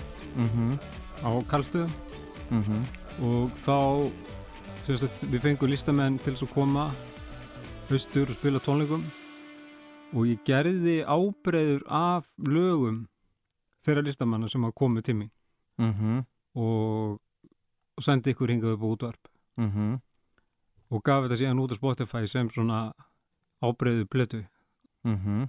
En hérna, mér fannst gaman að sjá að heyra þarna þarna grílulegið, Má Kling Já, einmitt. kom Ragga sér satt austur að spila? Nei, við heldum hérna svona singalong síningu á með allt á reynu Já, og vorum með sem sagt bíósal, eða breyttum havaríðinu í bíósal. Já, og, uh, og þá hérna langaði mig bara til þess að taka kofvera eitt lag bara af, með það sem kemur úr þeirri mynd. Akkurat.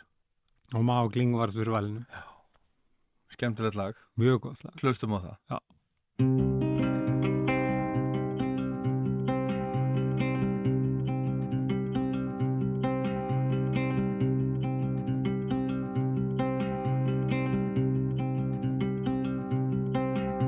Inuak tu sanya Elepen wa Elepen na tu se Inu kom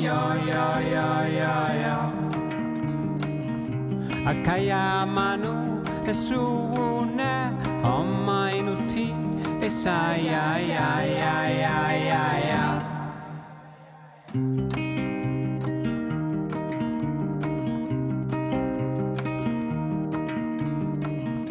Inakte ataya enelaktu Suse opektu Sunitu yu yu yu yu yu Opekti kuru Oviava Lumenutu su kakana iye ya ya ya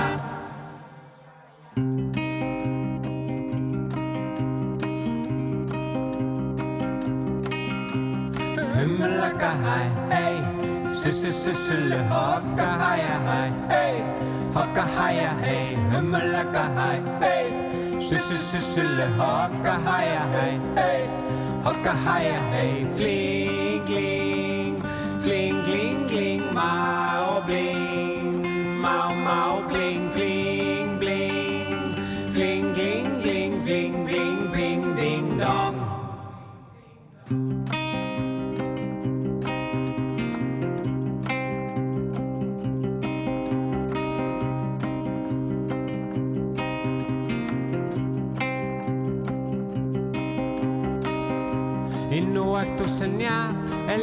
Elepen wa Elepen na tu se Inu kom yo. Akaya manu Esu une Homma inuti Esa ya ya ya ya ya ya.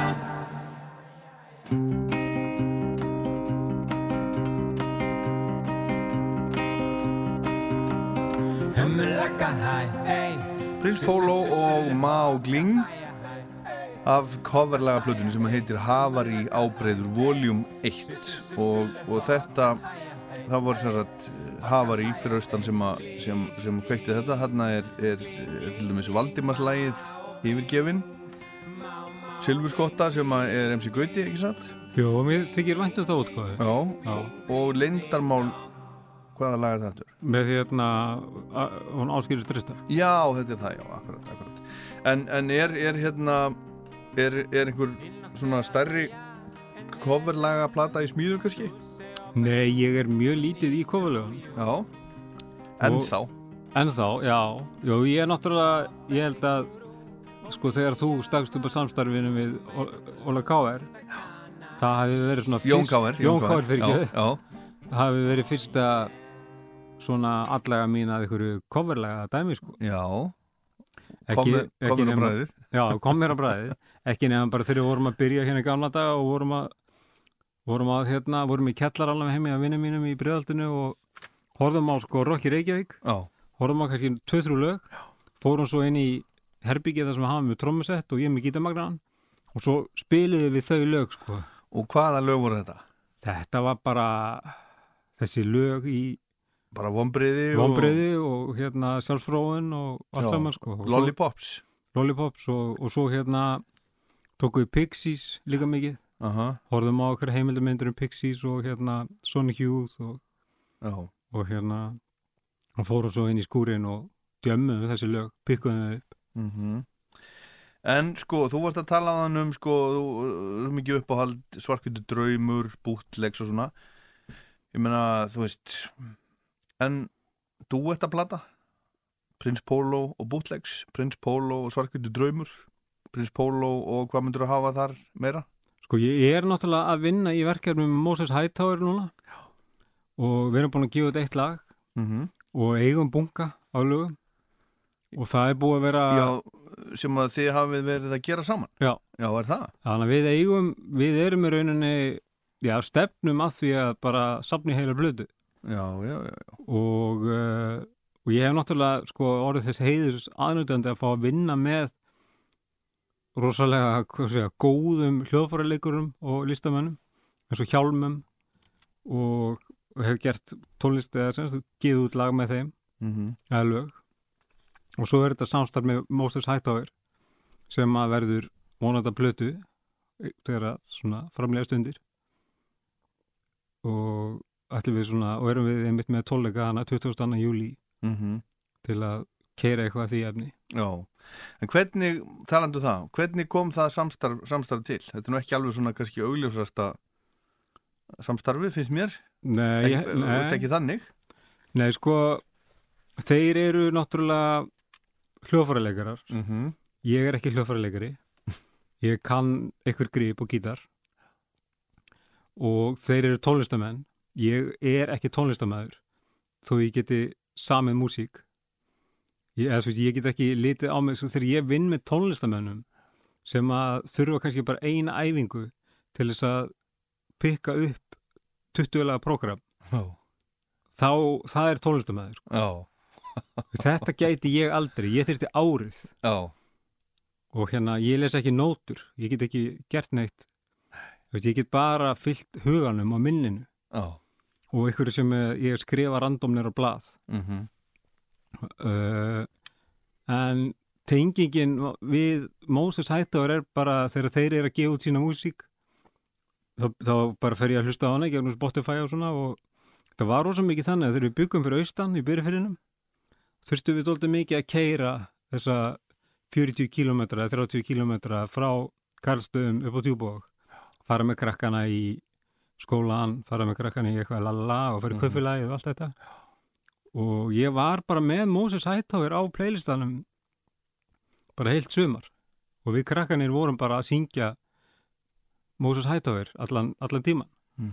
og ég fór að hafa orðaði djöfull væri nú gaman að gera eitthvað með þessum strókum sérstaklega verna þess að tengingin okkar þó svo kannski tónlistin okkar sé ólík þá er er eitthvað tenging í textunum.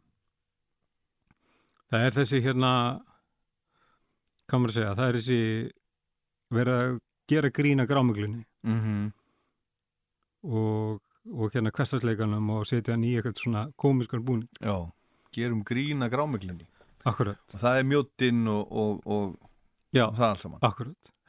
Þannig að við, við tengjum rosa stert sko og þegar við erum að jamma saman þá, þá hérna, skiptir ekki öllu máli þó að ég sé þryggjagripa maðurinn og þeir séu hérna langskóla gengli sko. mm Þá skulum við hlusta á lægið sem að þið eru búinir að gera saman. Maðkur í misunni. Nefnilega. Hvaða maðkur er það og hvaða misa er það? Sko títillin nú bara svona svolítið random en lægið fjallar um þennan fræga lúsapóst sem að fóreldrar og kennarar kannast við. Jú.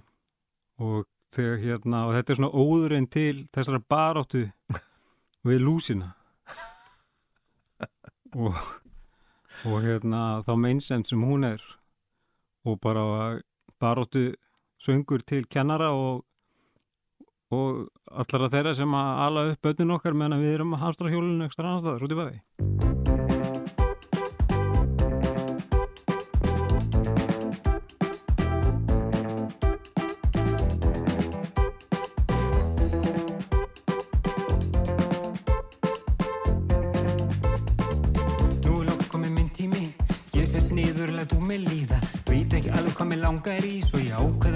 eins og býða Er það lakrís eða hlaupangsi?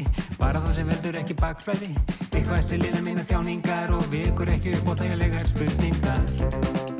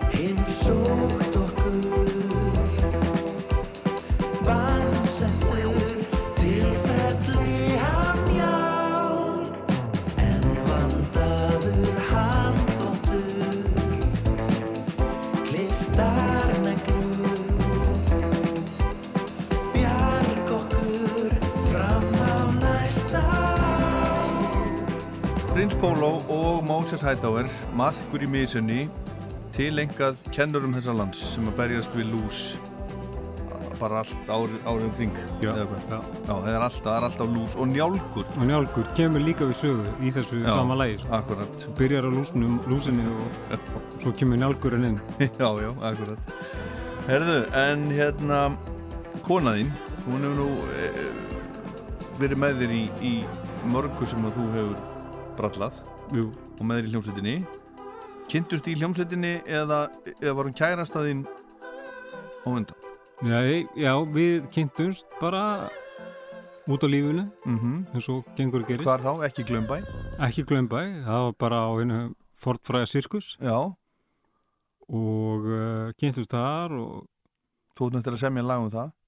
Nei, nei, ég er búin að því, skakka mann að geða samt fullt af lögum um það sko Nú það er þannig, ok Já.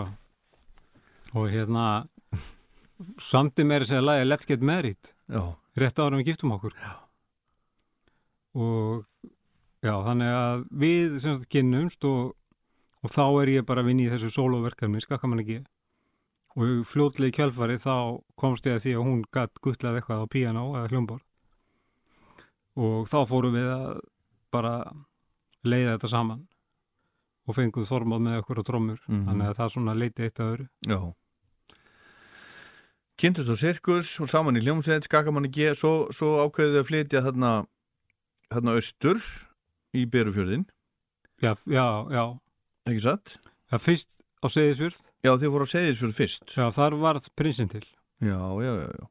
Og svo, svo hérna, en, en hvernig atvikaðast að þið, þið bara gerðu spændur í sveitinni þarna? Já, svo fluttum við aftur til Reykjavíkur eftir þessa Seyðisfjörðadöðul stopnuðum Havari í Östustræti mm -hmm. þar sem Blöð- áður blödubúð plödubúð og, og svona viðburðar vettvang Já. það var svona dagklúpur eins og við kalluðum hann og vorum með tónleika bara á miðjum degi og svona laustið djam og, og sug uh -huh. og það bara gekk þrjusu vel, gaman að selja plötur og halda tónleika og en var náttúrulega auðvitað líka erfið bransi uh, vorum í bráðabyrða húsnæði sem átti alltaf að fara að rífa og breyti hótel. Svo kom bara hvaðningin, eitt góðan við þetta þið þurfa að vera að fara nút eftir tíu daga. Og við erum að fara að rífa húsið, breyti hótel. Og við fórum að líti kringum okkur að skoða mögulega húsnæðiskosti í Reykjavík eða í miðbæri Reykjavíkur og fundum ekkert sem okkur langaði í. Þannig að við fórum bara að skoða annu póstnúmer Mhm. og enduðum á því að kaupa jörð fyrir austan Hvernig datt ykkur það í hug? þá var ég komin á svona og við bæði og svolítið flug með matalaframnislu vorum að fara að búin að setja bulsunar á markað Já, það kom sér á undan já, það kom að undan Já. og vorum rosa mikið í sambandi við bændur til að fá ráefni Mhm. og heimsækja bændur og, og hérna og þá bara fóra kvikna bara þessi sveita draumur Mhm. að bú í sveit og, og geta hérna bara skaffað mat og menningu ofan í ferralanga og svo endanum þá var þetta orðið að matala framlýslu og tólningarstað og kaffihúsi og gisti heimili og byggðist bara upp á nokkrum árum og varð náttúrulega styrlu vinna.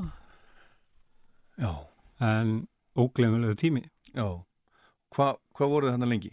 við vorum í sjö ár fyrir þess Og þið voruð endalur stað, í, uh, sko, þið voruð að hérna, laga hérna gummul hús, já, breyta þeim í eitthvað allt annað, fjárhús var það, kaffihúsið eða ekki og Jú, hlaðan var það kaffihúsi Já. og, og tónleikastað og fjárhúsin er það gisti heimili og uh, fjósið var það matala framlýslu já, og svo gamli bærin er þetta sem gisti heimili líka já.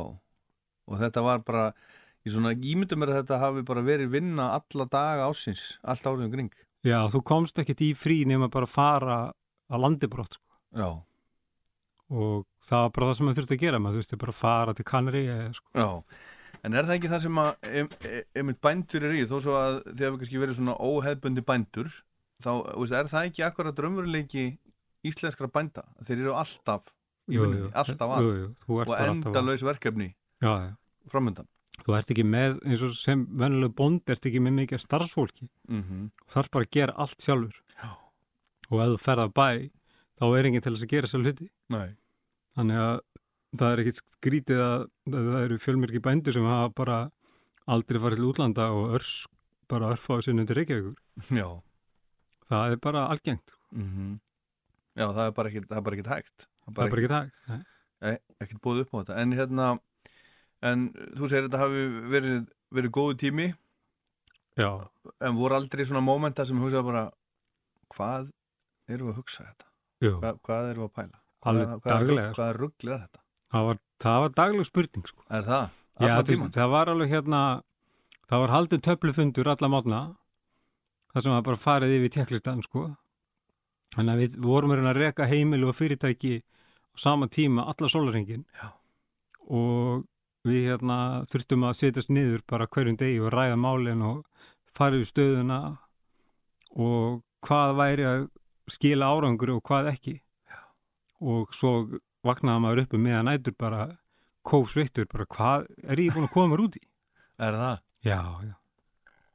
Já. En þetta rúlaði, þetta gekk, þetta virkaði. Já, En hérna, þetta var líka mjög þreytandi. já, Því að það að hérna, vera í gestamótöku og hella upp á kaffi alla daga er líjandi vinna. það er þannig. Það er þannig. Ef að draga lag. Það er ekki bara. Ég er og seint að fá sér kaffi núna. Ég var einmitt að klára úr Já. bollarum. Hvaðan kemur sá frasi? Sáfrasi, hann var til þannig að einhvern vetrarkvöld á Karlstöðum Já. satt í veldursporðið við tölvuna og var að eitthvað svona smíða ge gemflug Mm -hmm. Smíða geimflug. já, eitthvað sem maður er að gera heldur um að sé að Já. til eitthvað stórkostlegt Já. og var bara í vinnustuði og hérna það var svona var ekkit endilega að spáða hvað klukka væri Mm -hmm. þannig að ég er bara í góðum fíling er að pikka eitthvað inn á tölvuna já, ég ætla að hafa þetta svona og teikna eitthvað upp og lalalala svo stend ég upp geng að kaffikonunni og byrja að móki hana kaffi og hella vatni í þegar ég svona gjóa augunum á klukkuna sé að hún er að detti miðnætti. Og þá hugsa ég, er ekki að senda að fá sér kaffi núna? Þannig að ég slögt á kaff kaffikonunni og settist aftur niður tölvuna og skrifaði þennan frasa hjá mér. Og inn í bara svona texta skjál sem að maður er alltaf með bara gegnum gangandi inn í inn í tölvunni. Síðan liðu nokkur ár þangað til að ég fór að gera eitthvað við þetta. Já, já. Og fór að semja sögu í kringum þannig frasa. En frasin var til svona og svo er sagan bara einhver hérna bara einhver saga í kringum hennar frasa. Er of seint að fá sér kaffi núna? Mig langar bara ekkert til að lúla Má ég fara aðeins nær, aðeins nær en gær Sýtt hérna alveg og reyni að skrifa Skilabóti þín og lítinn gulan miða Til að segja þér hver ég er niður komin Ég fór í burtu meðan þú varst í sturtu. Ég ætlaði bara að skreppa út í sjoppu En mér fannst veröldin svo ómótstæðileg Að ég ákvað bara að þykja næsta far Sem var í bóði Suður til spánar og aðtuga hvað Þau hafa að bjóða þar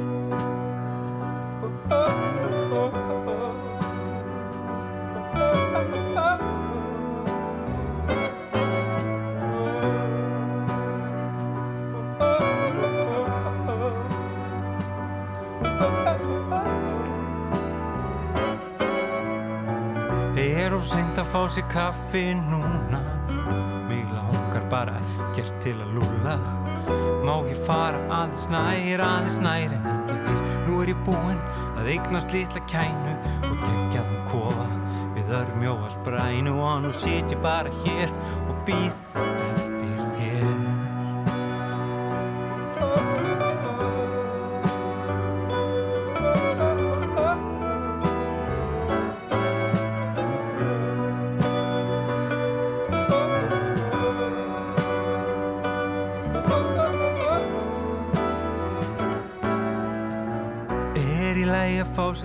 tapast núna.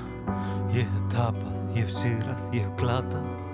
Get ég fengið aðeins fleiri skamt en ég gær? Í þessu lífi, ég þarf ekki mikið En ég væri samt alveg til í að losna við stritið Og allt argað þras um ekkert af viti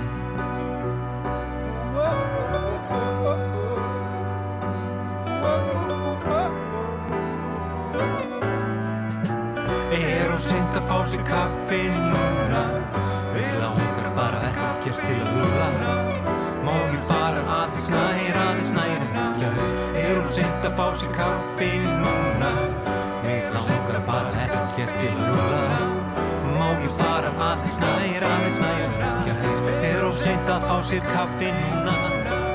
Mig langar bara ekkert til að lúla Er og seint að fá sér kaffi núna, þetta er Prins Pólo og Prins Pólo er hérna, hérna hjá mér, eða samt ekki, svo sem leikuprinsinn, svo Ava Pétur Eisteinsson, gestur Rocklands í dag. Þið voru sjö ára á kallstöðum í þessu, þessu rugli, voru ég fylgist með ykkur úr fjalla bara á, á hérna, Facebook og dáðist að ykkur, ótrúlega svona bara, bara duglegt fólk, veist, gera þarna alls konar breyta ymsu ljótu í eitthvað fallegt og svo framvegis.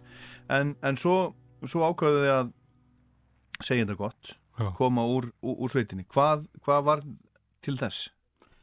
Sko, það sem var til þess í áriðlega tvent uh, við vorum orðið mjög þreytt og Berglind kannski ennþá frekar því að það mætti svona þjónustu starfið mætti meira á henni heldur en mér. Mm ég gæti haldið mig meira tilbaka Já.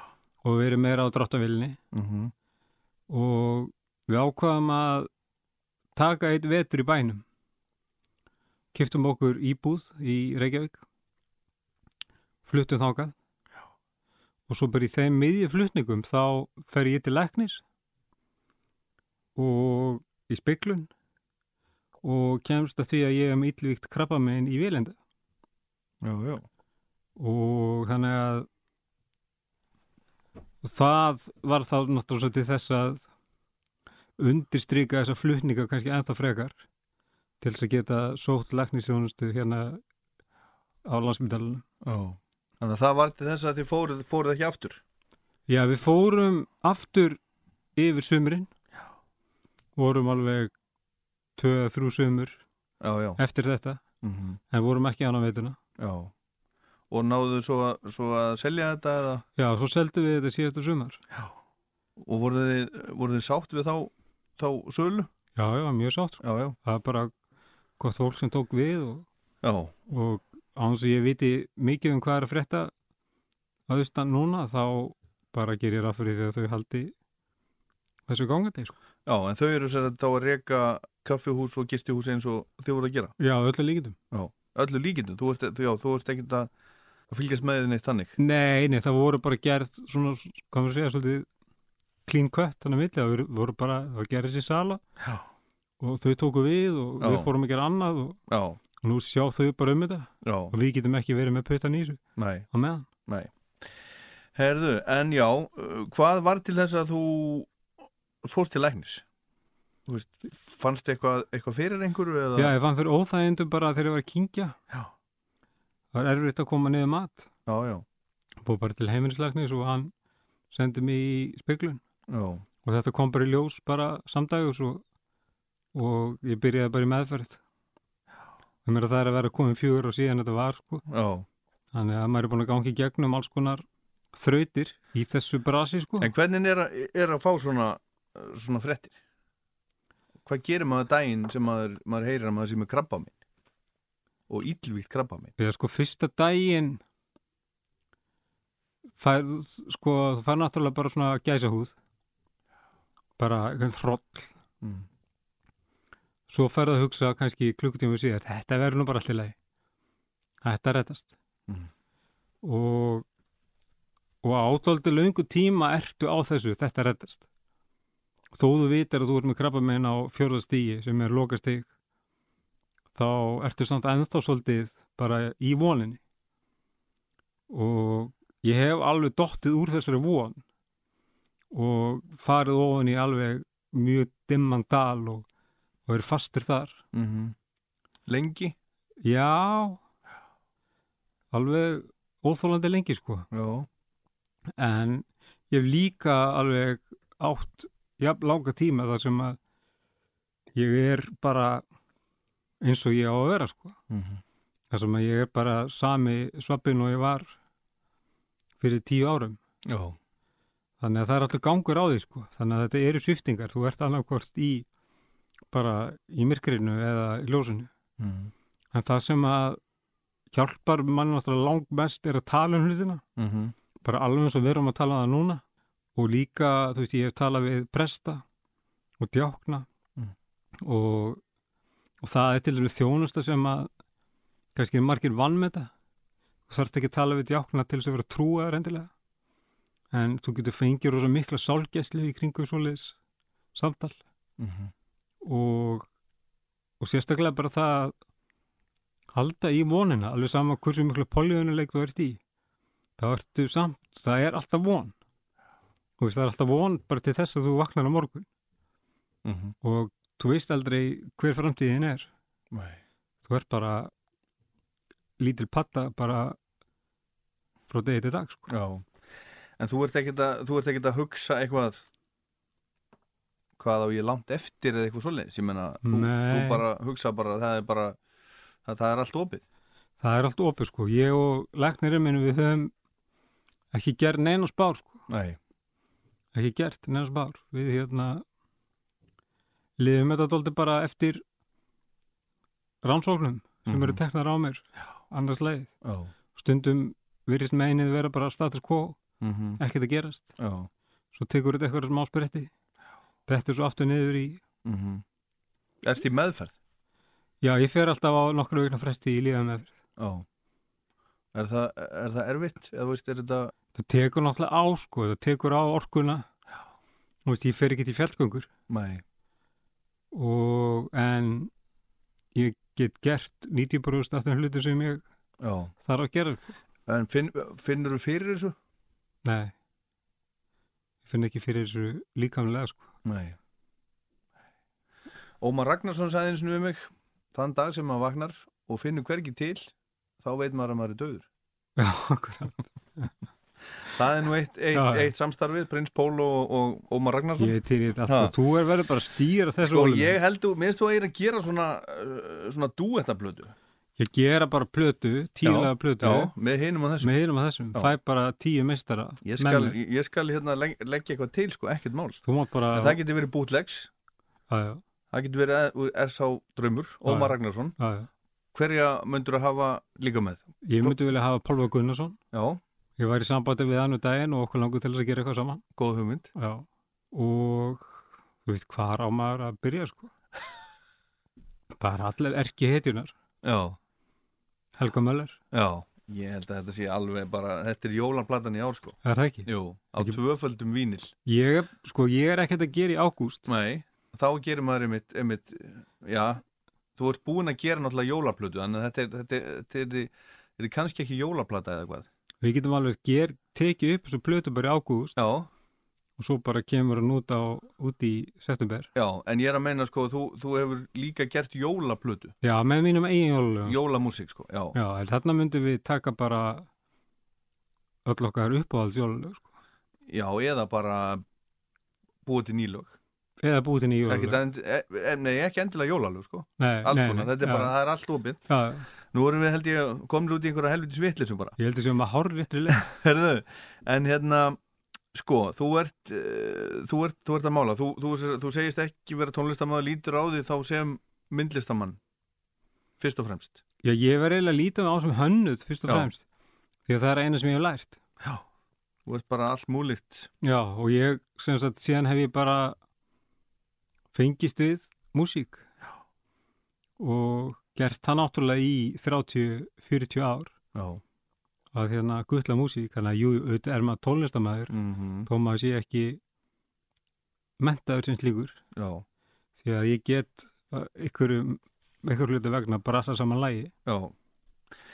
En þú ert búin að, sko, já þú, uh, sko þú ert búin að gera hansi margt, ég meina þetta, þetta hafari þarna, þarna fyrir austan var náttúrulega heilmikið, heilmikið hafari, þú veist að framleiða bulsur, Jú, þú veist að gera hérna rófusnakk og eitthvað meira. Jú, jú. hvað er í bulsunum, örstuðt Bulsunar eru svona mestmægnis búna til úr bankabyggi frá Vallanissi og Héræði. Það er þess að bændur þar, já, góði vinnur okkar, Eymundur og Eigló, sem að rekar þar bara eitt, mesta, eitt af mestu fyrirmyndar bílum þessa lands. Mhm. Og hérna erum við lífrana rektun og algjörir hérna frumkvölar í því, því starfi. Já. og þau rekta bankabygg Mhm. og mér langaði til þess að þegar ég byrjaði að gera bulsunar þá langaði mig náttúrulega fyrst og fremst að nota íslenska ráðafni og byrjaði á bygginu og fór svo að nota aðra hluti sem að binda saman byggið Já, úr því eruðu bulsuna til sko þetta er magnað. Þannig að það er sko, það er þetta. Það er hérna plötubúð, það er búndabær, það er, það er kaffihús, gisting, tónleikastaður, uh, matvælaframlegsla, þú ert myndlistamaður, þú ert að, þú ert að gera, hérna, þú ert að mála myndir, svo, ert að, svo eru eftirprentanir sem eru til sölu, þú ert búin að gera jólaplötu, þú ert búin að gera coverlagaplötu, þú ert búin að eiga loka lagið í áramótaskaupinu, uh, uh, spila öllum hátíðunum það ekki, Bræðislan, aldrei fór í söður, jú, menningarnótt á Róstföðu sviðinu það ekki? Jú, og hérna þjóðháttíðalag, Nei, ég á þjóðatíð eftir sko hvað er það? Af Sko, hverju ég er þetta ekki búið að ringi þið? Er búið... í hvern ein, okkur einasta ári set ég út í kosmosið Já, að spila þjóðatíð já, og það kemur aldrei neitt tilbaka sko. nei e- en ertu búin að ringi þá? Nei, reyndar ekki Nei, nei, þú, Ég- þú, ég- þú er búin að hugsa það bara Já, ég, sko, það duga, hefur dugað mér hinga til Já, þú bara svona, að nota bara hugurorkuna já að hugsa hlutina nógu mikið. Laðaðu til þín það góða eins og hún sér í vingunum í segir. Já, ekki Trúur á það? Ég trúi alveg fullkomlega á það. Ok, Þannig var til dæmis þetta samstarfið Paris Norðarsins til. Já. að ég bara setti það út í kosmosin því ég hef búin að sjá aðra mynd eftir Hattagunna sem heitir á annan veg mm sem ég fannst algjörlega briljant og þá hugsaði ég með mér ég gæti hugsaði mér að gera góða tónlist við næstu mynd hans. -hmm. og ég hugsaði þetta bara bara í ár. Já, hvað ég hafi verið til í þetta. Þóngu til að ég fekk bara símtal. Ok. En er búið að loka þjóðatíða Nei, ég held Planinu? þessum ekki búið að loka því. Menn þeir eru örg, örglega að hlusta sko. Hérna, en, en það er eitt að spila þjóðutíð annað að gera þjóðutíð að lægi sko. Já, að, það er búið að gera heldur gott Það þjóðatíða er búið að gera þjóðutíð lægið ár en kannski, Já. þú veist, erum við að tala um þjóðutíð lægið 2023 ég get alveg byrjað að því og, og eftir sko. og, og, kannski ringjaðir í því og eftir maður er ekki hugmyndu það. En, en er eitthvað meira svona sem að þið langar að gera? Er, er, er, er, eitthvað, er eitthvað fleira sem það er er einhverjur fleiri uh, skilabóð sem þú er búin að setja út í kosmósið? Nei, var ekki gaman að spila róaskeldu? Jú, þú, þú har aldrei gert það. Nei. En þú er náttúrulega spilað í útlandu svolítið. Jú, jú, við túruðum alveg slatta sko, túruðum Pólland og Já, spilaði Þískalandi og, og svo spilaði aðeins í Bandaríkjunum. En engir svona stór túrar sko. nei. En svona margir skottúrar. Mm þannig að hérna en það er bara orðið dóldi síðan dóldi lótt síðan að það var. Já, ég er að við svo fara að spila á Íslendingaháttíð í Gimli núna Vestlumhelgina er það? já, já, með Mósa Sætafur Þannig að það er þjóðháttíð, þjóðháttíðarlægið, spil á róaskjeldu og svo er það þessi duetta plata. Það er það sem kemur út úr þessu, þessu spjalli hérna hjá okkur það í dag. ég held að þetta er allt þetta að gera sko. það er ekki bara, er alveg, bara þetta í kosmos ég er handvissu það. Svona gera hlutinir. Herðu, þá er bara komið að, að lokum, en þú ætlaðir að leggja prinsinum 2019. Var það út af, ú, út af veikindunum sem þú ætlaðir að leggja honum eða? Já og nei sko, ég hérna var búinn að hafa svona þessa hugmynd í höfðinu í dólum tíma. Ég ætla alltaf að kálóna með því að fara í Eurovision, Já, þú ert það þetta ef líka. það er líka eftir. Ok, Og sem sagt fara með henni í Eurovision og bara segja þetta gott eftir það. já. Þannig að hérna, en, en jú, ég myndi segja það að það sé alveg rétt metið sko, þó sé ég kannski ekki alveg sett þetta í svona tímaröð. Að mér fannst ég þurfa aðeins að hugsa inn á við Mm á þeim tíma sem ég greinist. Og mér langaði ekki til þess að tala um þetta út á við á Nei. þeim tíma mér langaði bara til að segja hérna prinsin alltaf aðeins að kvíla sig. -hmm. og svo liðu nokkru mánuður og þá fann ég bara að vissi þetta annarkver maður. Það, við búum í litlu þorpi Já, sem er Reykjavík er, eða Ísland er. Og, og þá fannst mér aðsnarlegt að vera eitthvað að bukarast með þetta. Já. Þannig ég bara opnaði á þetta og, en á sama tíma þá fættist prinsinu bara nýtt sko. Mm þannig að hann byrjaði, hann varð aftur virkur Já, við þetta, að opna sig um þetta og, og þá fór hann líka að geta sami tónlist sem var bara persónulegri með samt ávald þessari skýrskotun í eitthvað grín og rugg sko. mm Þannig að mér finnst mjög gaman að tala um og syngja um myrka hluti en gera það samt komíska og ég er að gera svolítið mikið af þeirri tónlist núna Já. Herðu, Svávar, uh, ég ætla að byrja þig um að velja loka lagið í þettinum. Ok, Og það má rauninni vera hvaða lag sem er, sko. Það getur verið lag með þér, en það getur líka bara verið eitthvað allt annað. Þú mútt bara ráða því. wow, hvað fær langa tíma til að hugsa? Þú færð 5 sekundur. Hörru, já, ég er með þetta. Mér langar að spila lag af, Uh, já, ég verð bara að segja minn upp á hljónsveit. Já. Hljónsveit sem að hefur fyllt mér hvað lengst. Og það viljum bara þannig til að við félaganir nokkur rung meðlumir kiftum okkur með það bara núna í síðustu viku á tónleika með þeim í New York í oktober. Já, ok. Og þetta er Stereolab. Já. og kannski svona þeirra aðgengilegasta lag, eða svo má segja Eh, það heitir Friends Disco Friends Disco. Já. Svávar Pétur Eistinsson, takk kjallaði fyrir komuna í Rockland. Og gleðilegt sumar.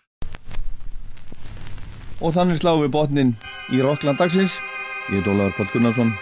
Takk fyrir að hlusta.